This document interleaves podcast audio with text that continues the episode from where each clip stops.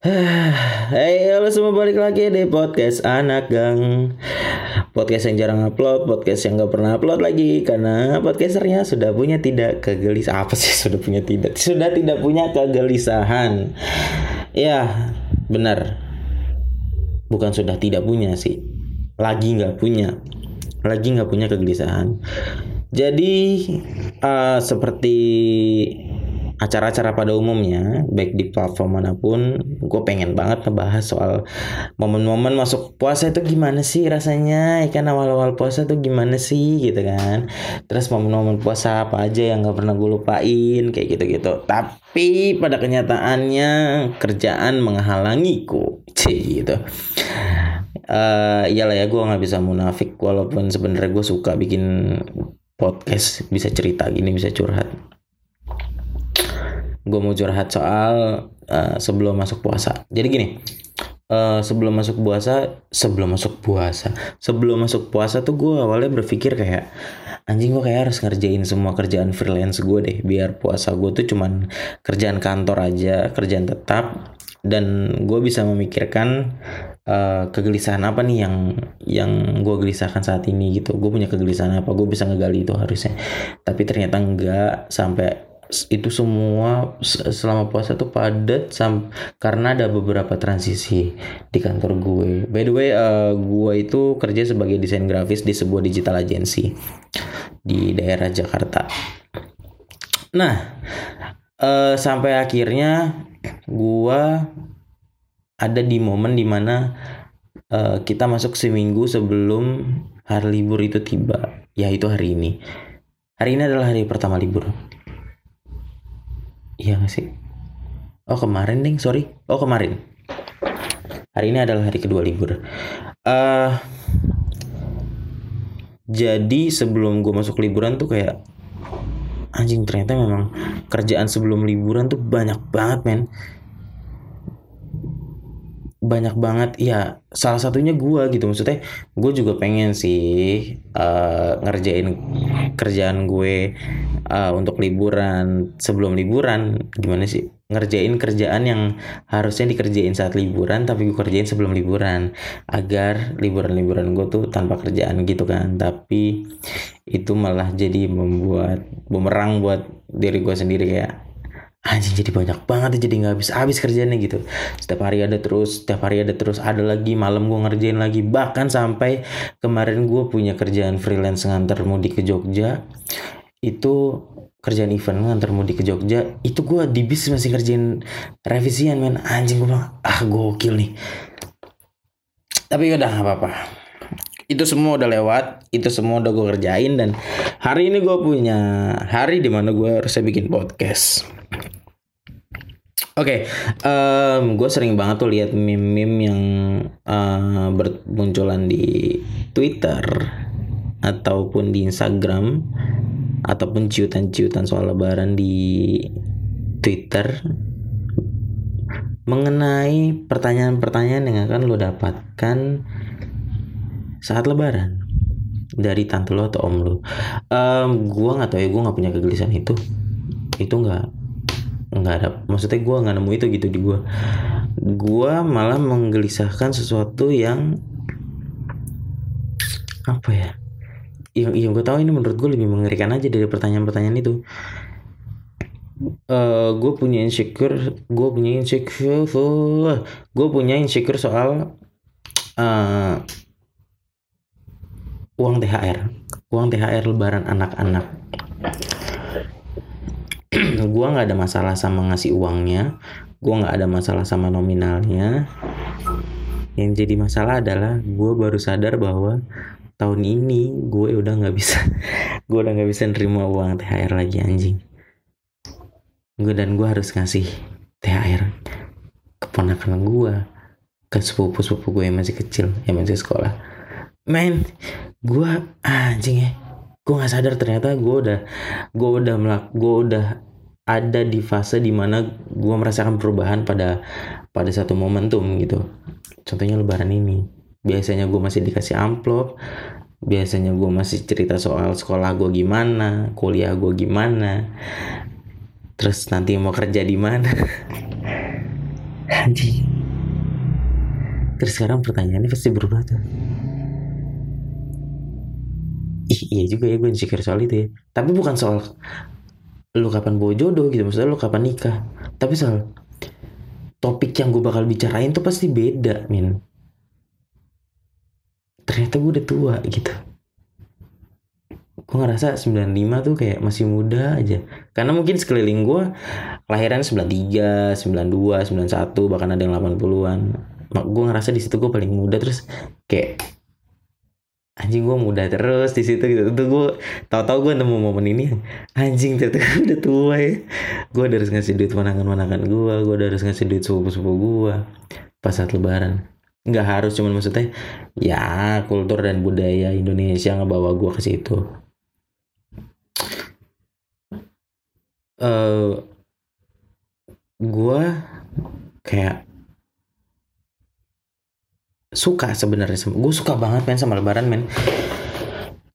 Tapi gue udah berapa ya? Udah berapa kali lebaran ya? Dua mungkin atau tiga kali lebaran. Gue tuh udah merasakan muncul rasa-rasa iri sama orang-orang yang mudik. Sama orang-orang yang pulang kampung ke tempat bokapnya atau ke tempat nyokapnya. Mereka tuh jadi punya apa ya? Menurut gue mereka jadi punya perjuangan untuk sampai ke sana gitu. Untuk sampai ke rumah neneknya atau rumah kakeknya atau rumah ibunya atau rumah bokapnya. Nah dulu tuh sebelum almarhum dan almarhumah kakek dan nenek gue dari bokap itu meninggal gue masih rutin tuh datang ke sana datang ke sana. Emang semua orang tahu. Gue belum pulang uh, ya pokoknya datang ke kampung ya bisa dibilang kampung gue lah ya walaupun gak jauh-jauh banget di Bogor. Uh, eh, gue masih rutin tuh datang ke sana kumpul sama keluarganya keluarganya bokap gue ngobrol-ngobrol sama sepupu gue cerita-cerita bercanda ketawa. Terus tiduran di ruang tidur di ruang tamu dengan kasur yang banyak kayak gitu-gitu sih. Terus uh, setelah beberapa tahun itu gue ngerasa gue mulai tumbuh ada mulai mulai ada sepupu gue yang nikah mulai ada yang punya anak terus ya wow ya gue tumbuh men.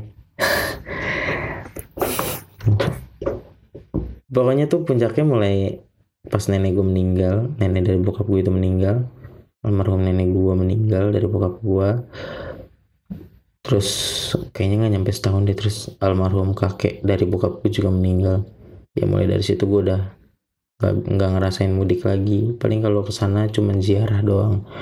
Karena makamnya ada di rumah gitu. Ada di belakang rumah. Dan rumahnya tuh udah nggak bisa ditempatin. Sekarang kayak udah dibongkar deh. Udah dibeli sama orang. Ya gitulah. Atau gue benar-benar kangen men. Bersyukurlah kalian yang masih ngerasain mudik. Kalau lu bilang mudik itu capek kan lu tai banget sih. Itu tuh cerita lu gitu. Yang bisa lu ceritain ke saudara-saudara lu nanti pas nyampe sana. Seru gak sih lu nyeritain iya tadi kita macet di jalan gitu. Seru sih menurut gua anjing. Ya kalau lu menurut lu itu capek menurut gua lu pemalas aja sih. Kayak gue juga ngeliat terlalu buka orang senang-senang aja. Gitu tuh kan gue jadi nyinyir kan anjing. Ya kayak gitulah. Gue kangen nih. Kangen pengen mudik lagi. Terus dari kegelisahan gue yang itu gue sempat mikir kayak gue kayaknya harus tumbuh tua dan mati di Jogja sih. Yang pertama karena gue suka sama Jogja. Terus yang kedua biar uh, anak gue atau cucu gue itu bisa pul bisa bisa mudik gitu bisa ngerasain mudik bisa ngerasain pulang kampung. Gitu.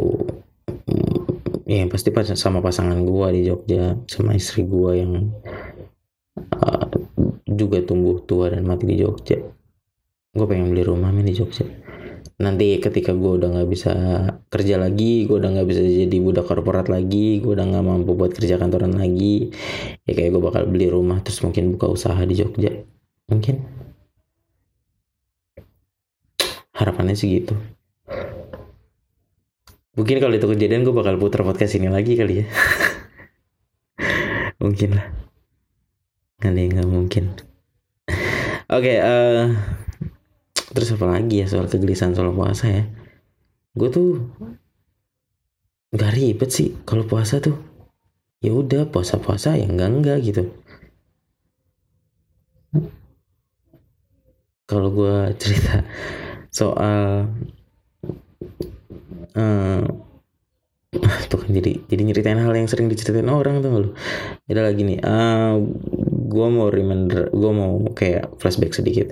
Dulu tuh gue waktu S uh, gue pertama kali nyobain buat batal puasa tuh SD kayaknya deh. Gue mulai berani nyobain batal puasa. Itu coba buat minum air wudhu pasti sih menurut gue semua semua semua anak-anak yang terlahir di keluarga muslim terus mereka mencoba untuk batal dengan minum air wudhu. Padahal tuh kayak anjing lu cuma minum doang udah gitu minumnya dikit kan. Gitu. terus oh gue terus dulu pernah punya cerita gini. Jadi gue waktu SMP kelas 1 dan kelas 2 itu gue masuk siang kebetulan karena jatah kelas gue tuh jatah siang. Dan gue tuh kalau puasa pas sekolah itu nggak bisa minum pas istirahat siang karena kantin juga pada tutup dan gue nggak bisa keluar sekolah. Gue baru bisa minum itu gue baru bisa batal puasa itu waktu selepas pulang sekolah jam pulang sekolah. Tuh gue baru bisa keluar sekolahan tuh baru ketemu tukang air. Dan yang begonya lagi waktu itu tuh gue batal di jam kayak gue pulang sekolah jam 4 deh. Jam 4 atau setengah lima gitu. Itu kan tinggal berapa menit lagi tinggal berapa jam lagi. Goblok banget gue gue mikir waktu itu. Ya gitulah namanya juga anak-anak. Terus uh, tips and trick kalau batal sih gitu. Tips and trick kalau batal puasa. Tips and trick kalau batal puasa tuh lo jangan minum Fanta atau Pepsi gitu. Eh, Pepsi itu jeplak gak sih di lidah ya? Warnanya? Ya pokoknya gitu gue kayaknya gak punya banyak kegelisahan juga tentang puasa ini selain yang tadi. Selain tentang kerjaan dan keinsecurean keinsecurean gue tentang jatah THR itu. Gue pernah nemu meme ini bagus banget sih. Lucu banget sih menurut gue. Ada pas uh, anak-anak uh, di era gue tuh yang lahir tahun 99 mungkin 99 91 sampai 95 enggak deh 93 mungkin sampai 96 itu ada fase di mana lu tuh lagi butuh-butuh duitnya. Tapi saat lebaran tuh lu udah nggak bisa dapet duit lagi. Gitu. Itu lucu banget sih menurut gue. Uh, udah mungkin gitu aja gue ngatain berapa nih berapa menit ya 12 menit itu lah ya. Uh, gitu aja dari gua. Gua juga belum pernah share Instagram gua. Kalau lo mau follow followan sama gua lo follow aja at galang nandas di Instagram. Uh, ya nggak tahu ya nggak bakal ada yang follow juga kayaknya tai. Pakai gua share lagi. Ya pokoknya gitu aja lah. Sampai jumpa di episode podcast anak gang selanjutnya. See you